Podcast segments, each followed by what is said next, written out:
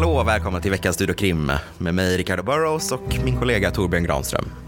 I det här avsnittet ska vi prata lite grann om veckan som gått. Och jag tänker att vi helt enkelt börjar med eh, ja, men gängkonflikten. Det har kommit ett åtal mot ledaren i Saltskogsfalangen, Tobbe. Ja, men det stämmer. En 28-årig man som åtalas misstänkt för försök till grov utpressning. Och två andra personer då i den ena 20, den andra 21 år, som också tillhör den här Saltskogsfalangen åtalas för medhjälp. Och de har försökt utpressa då en företagare i Södertälje centrum. Besökt honom, ringt, uttalat dödshot att han ska betala. Mm.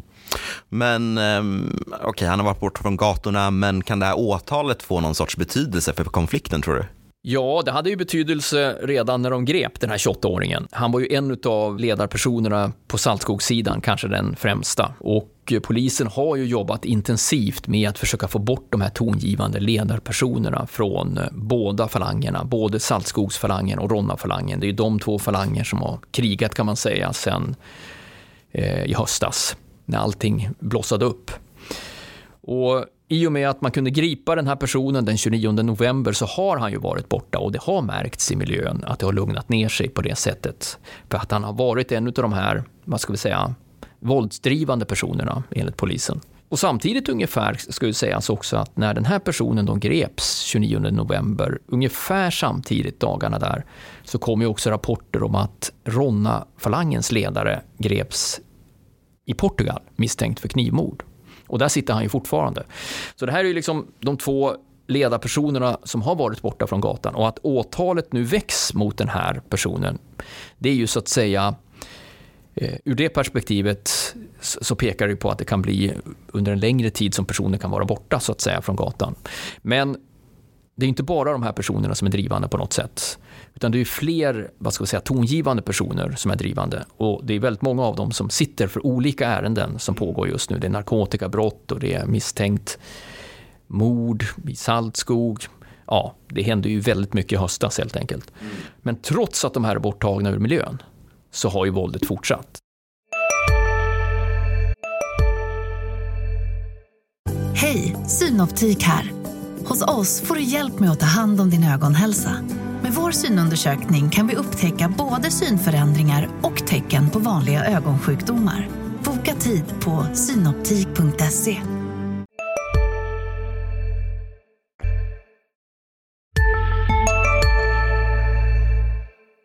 Men vi har ju pratat lite grann i tidigare avsnitt med ja, men poliser som vi intervjuat här, bland annat Kalle Ko, som att det har varit någon sorts uttalad strategi att vi måste åtala de här människorna. Alltså, man kanske inte alltid kan åtala dem på de här självklara grejerna man vill åtala dem för. Alltså alla de här dödsskjutningarna vi hade i höstas till exempel. Utan man kanske hittar utpressning då, som i det här fallet. Eller grov narkotikabrott. Ja, man måste få bort dem från gatan helt enkelt. Mm. Det är liksom eh, A och O för att kyla ner läget. Mm. Och de som man inte har fått bort från gatan, när jag säger få bort från gatan, man låser in dem helt enkelt. De sitter i häkte misstänkt som du säger för olika former av brott. Mm.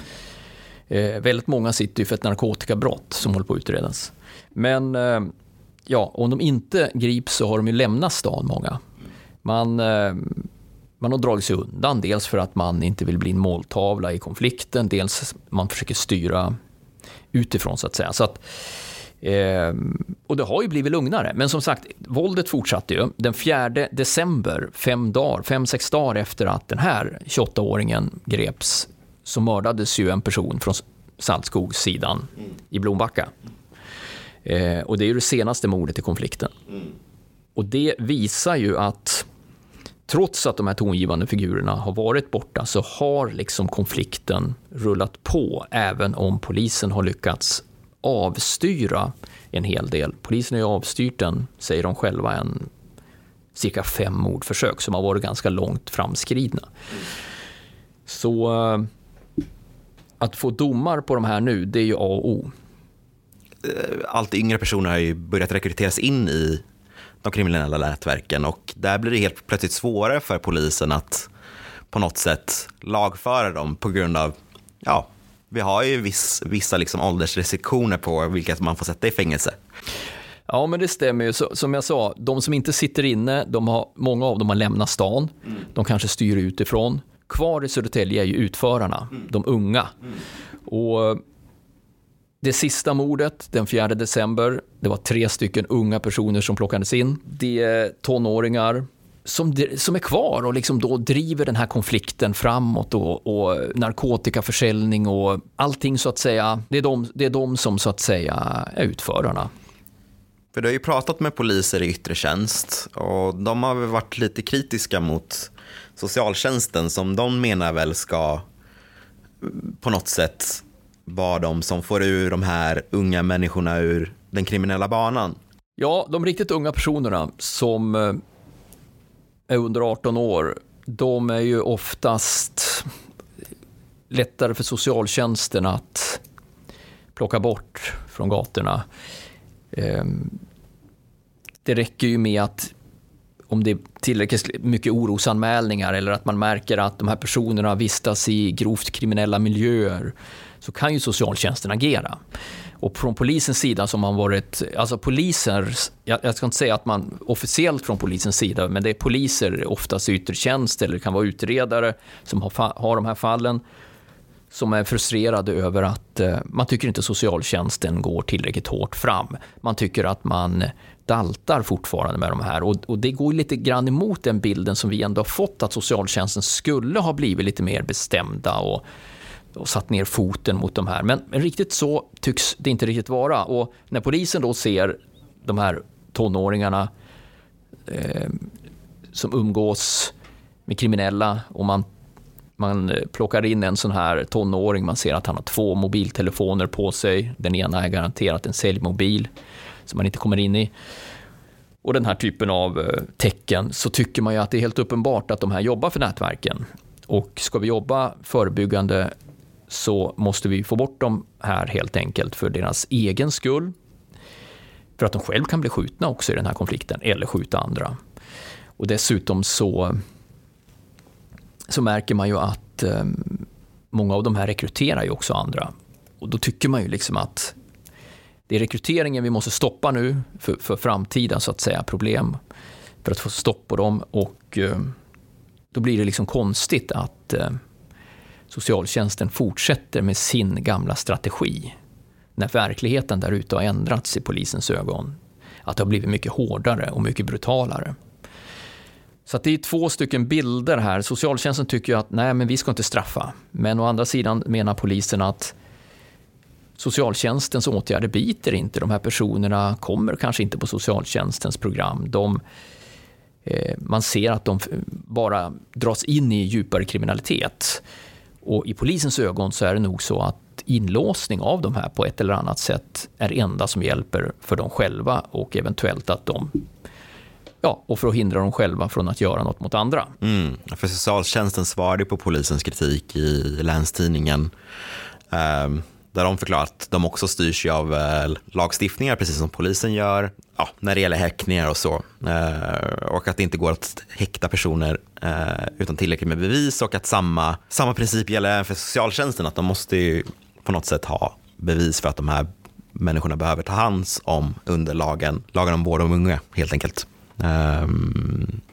Ja, och, då, då, då menar polisen att ja, men det är lättare ändå för, för dem att på det underlag de har agera än vad polisen kanske kan med en häktning. Men eh, socialtjänsten menar att även i våra beslut som tas så har ju ungdomen i fråga en, ett juridiskt ombud och sådana saker. Men ja, det finns olika uppfattningar där. Polisen tycker ändå att de har lättare att agera. Och, och analysen är då att det behövs inlåsning av de här personerna. Mm.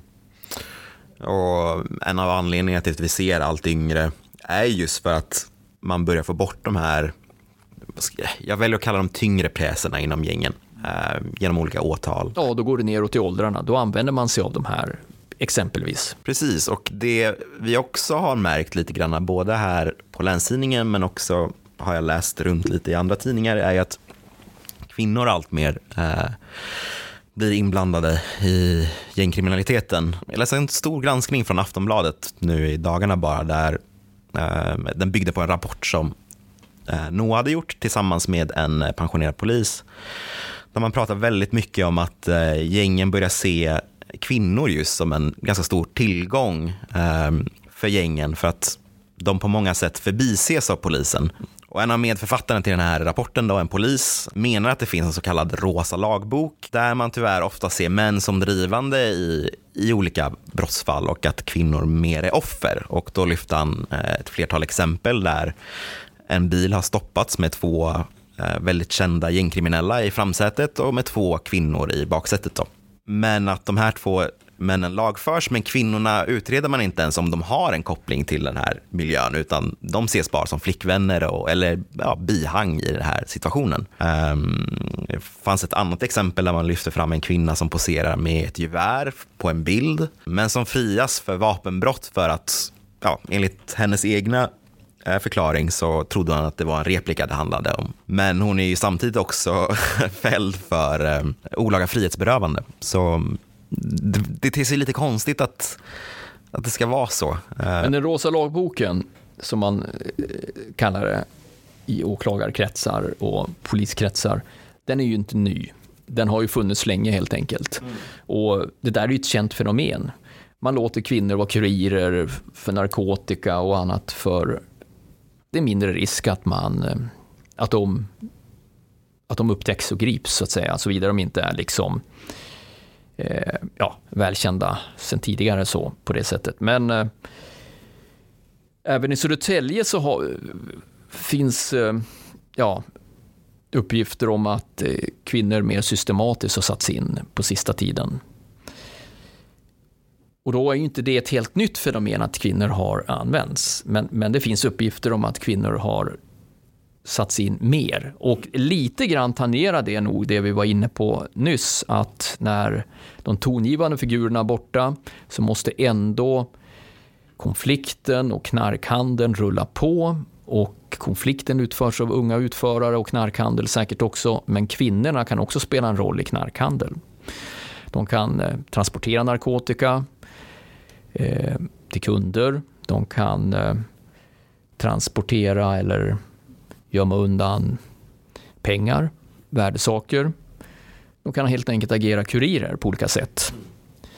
Och eh, det var ju nyligen också som en kvinna här grep som hade närmare 100 gram kokain. Det sades att det var 100 gram, men hon häktades för, inte för grovt narkotikabrott utan för narkotikabrott av normalgraden. Så att det måste ha varit något under 100 gram som är gränsen nämligen.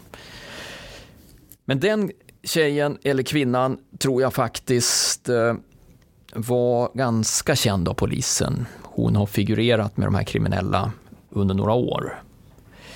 Eh, och eh, kopplas mer eller mindre till en av de här falangerna i den här konflikten också. Mm. Men vi kommer nog se mer av det tror jag.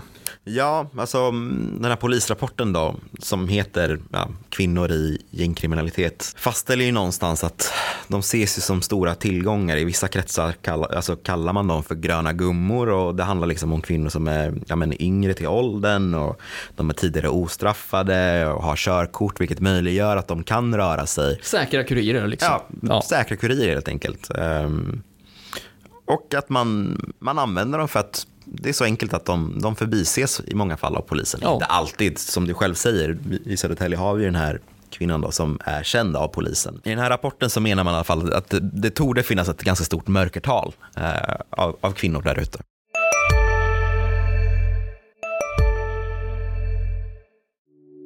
Hej, Ulf Kristersson här. På många sätt är det en mörk tid vi lever i. Men nu tar vi ett stort steg för att göra Sverige till en tryggare och säkrare plats. Sverige är nu medlem i Nato. En för alla, alla för en. Har du också valt att bli egen?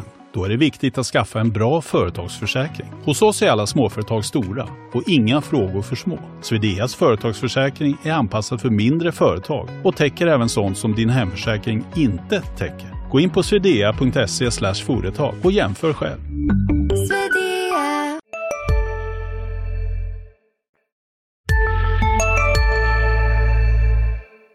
Och ja, med det sagt så tänker jag att vi kan gå in på den eh, senaste händelsen här i veckan. Det är väl nämligen så att eh, hovrätten har gått in och ändrat brottsrubriceringen på det så kallade åkermordet. Åkermordet som vi bekant pratade om i avsnitt 8 redan av podden.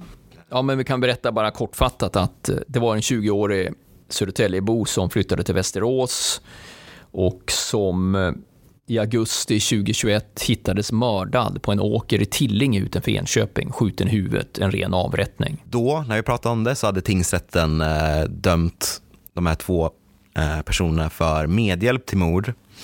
Och eh, nu har ju hovrätten på något sätt valt att gå min linje för de som lyssnade på förra avsnittet. Och det var ju helt enkelt att jag tyckte att det var ganska bisarrt att två personer som ändå erkänner att de var på plats, åkt tillsammans med den här eh, tredje personen ut till en åker som, där han sen avrättas kommer undan med medhjälp till mord, alltså att ingen bär ansvaret för mordet. Ja, och din linje är nog inte bara din linje, har en känsla av, Nej, utan nej, nej. väldigt mångas linje helt enkelt. För jag tror att det är många som tycker det var ganska absurt. Det var ju nämligen så eh, att utredningen pekade på att den här 20-åringen på något sätt hade slarvat bort ett automatvapen som den här ligaledaren i Västerås ägde. Han blev förbannad och sa åt två personer, en 33-åring och en 19-åring, att de skulle åka ut och avrätta den här. Det var, den, det var det, enkelt uttryckt nu bara, så var det ungefär de uppgifterna som kom fram i utredningen.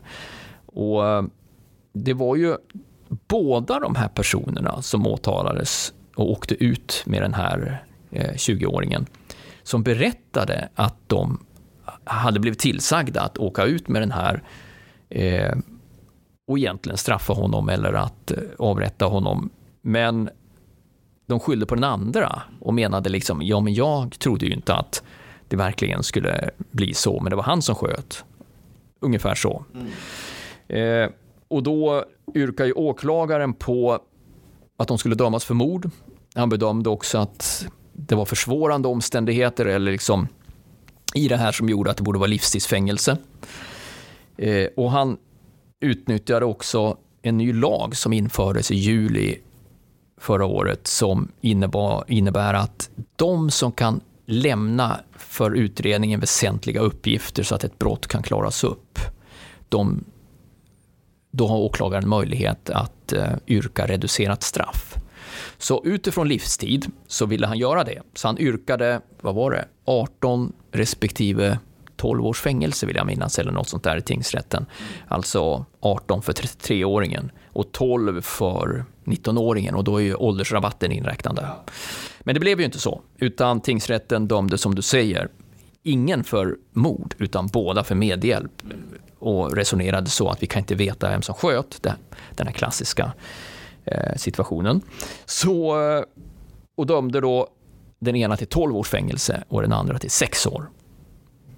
Och nu har ju hovrätten ändrat åtminstone själva bro- brottsrubriceringen. Nu är båda skyldiga till mordet, vilket är ju bra. Alltså, någon måste ju ansvara för att det finns en död person. Ja, hovrätten tyckte att eh, det var fastslaget att det var tillräckligt tydligt liksom att båda hade åkt ut för att skjuta den här personen. Men straffet förblir detsamma. Straffet blir detsamma ändå. Och det är ju lite lustigt i sammanhanget, men det är helt enkelt så att hovrätten resonerar så här.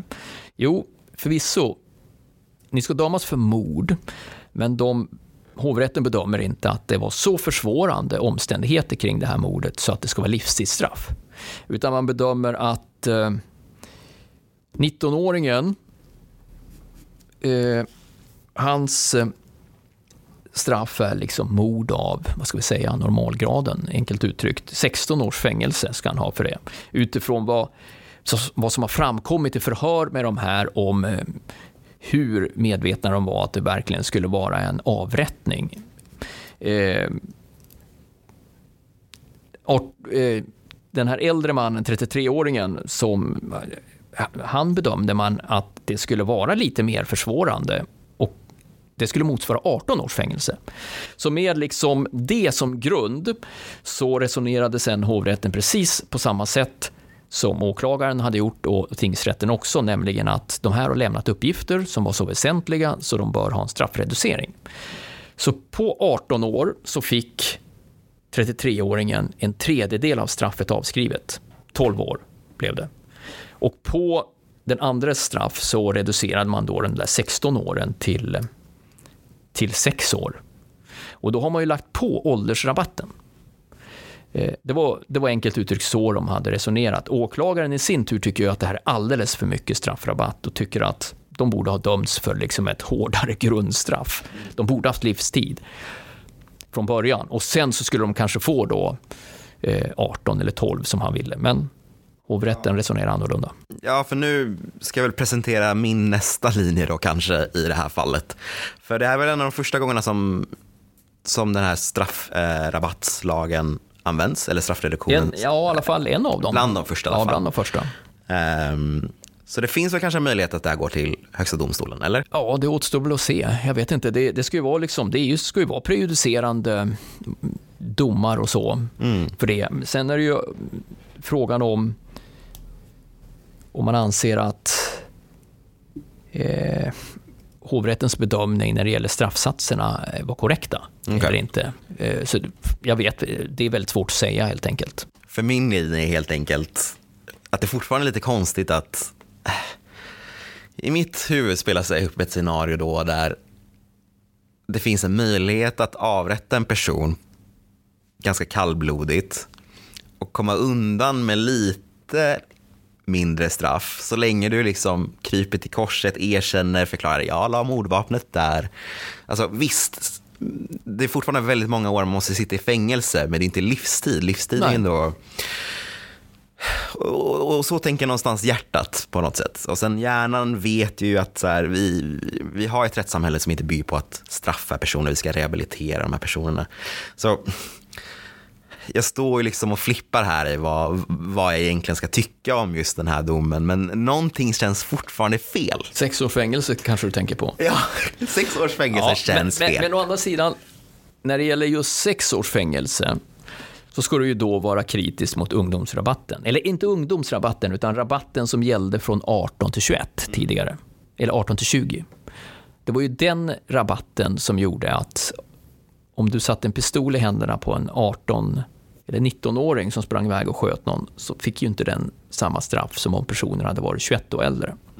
Och den försvann ju vid årsskiftet. Så att hade det här varit efter det så hade han inte fått 6 år utan han hade också fått 12 år precis som 33-åringen. Eh, nu kan man tycka att 12 år också är för lite för det här men det är ju en avvägning det där med trots allt så har han jag tycker också 12 år är lite för ett eh, så brutalt mord, eller för ett mord överhuvudtaget. Och, eh, men eh, de kanske inte hade klarat upp det annars. Tittar man på uppklaringsprocenten på mord i gangstergängmiljöer så, så är den ju skrämmande låg. Och det kanske bara hade slutat med att man hade hittat ett lik på åkern och sen så hade det inte varit så mycket mer. Och så hade det gått in i statistiken över de andra 90 procenten som aldrig klaras upp i de här miljöerna. Så eh, ja, det där är ju frågan om... Och sen kan man ju också säga att om man vill ju ha den här lagen för att få någon att liksom prata i de här miljöerna och den som pratar utsätter sig för en väldig risk också, i vanliga fall alltså. Alltså, ehm, eh, så om vi tänker oss att det hade varit verkligen en, ett gängmord där man hade mördat en annan person, låt oss säga ja, som Adriana-fallet eh, eller något sånt där och någon hade klivit fram och berättat och de andra, några hade fått livstidsfängelse på grund av det. Då kanske det hade varit berättigat att den personen som kanske hade varit med någonstans hade då kunnat kommit undan med 12 år eller något sånt där om han själv hade liksom varit med under det hela. Eh, Eh, men jag vet inte, eller jag ska inte säga vad som är rimligt inte. Att rent spontant är 12 år känns det lågt, men man vill ju ha liksom den här effekten för att kunna klara upp dem. Mm. Nej, men jag håller med dig. Det är därför jag försökte skilja på både hjärta och hjärna. Alltså det, det finns ju en del i mig som förstår logiken kring att ha de här straffrabatterna. Även för unga. Alltså, det är en ung person. Men sex års fängelse, det kan jag ju hålla med om. Är du 19 år och man åker ut och avrättar någon på en åker och sen kommer ut efter fyra år, för personen behöver ju inte sitta i sex år heller. Det känns ju minst sagt futtigt. Mm. Men som sagt, där har ju lagen ändrats nu. Mm. Vi får se vad det, om det är någon sorts avkylande effekt. Det, det återstår väl att se. Jag tänker innan vi avslutar veckans avsnitt mm. så tänkte jag fråga dig Torbjörn, Är det någonting vi har framför oss här i Södertälje rent krimmässigt? Det är väl rättegången mot Saltskogsledaren här och de två andra som greps i det ärendet som börjar inom relativt snar framtid. Eh, datumet är inte fastställt än. Du är på Vi- plats, antar jag? Det hoppas jag. Det utgår jag ifrån. Och vi har dessutom, eh, jag tror att det bör närma sig åtal även i, eh, i ett eh, Riksenheten mot korruption. Vi har ju haft två stycken åtal där i de utredningarna som gäller eh, den här härvan kring ekobrottshärvan och sånt där som vi har pratat om tidigare här. Men eh, det har ju varit ett åtal kring en tjänsteman, det har varit ett åtal kring en eh, eh, läkare i Stockholm och det ska väl komma ett åtal också mot en eh, kvinnlig banktjänsteman inom kort.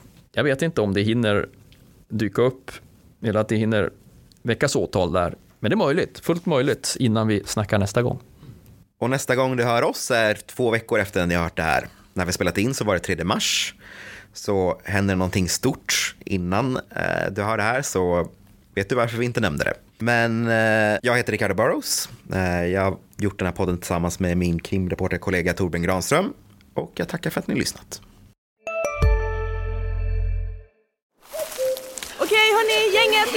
Vad är vårt motto?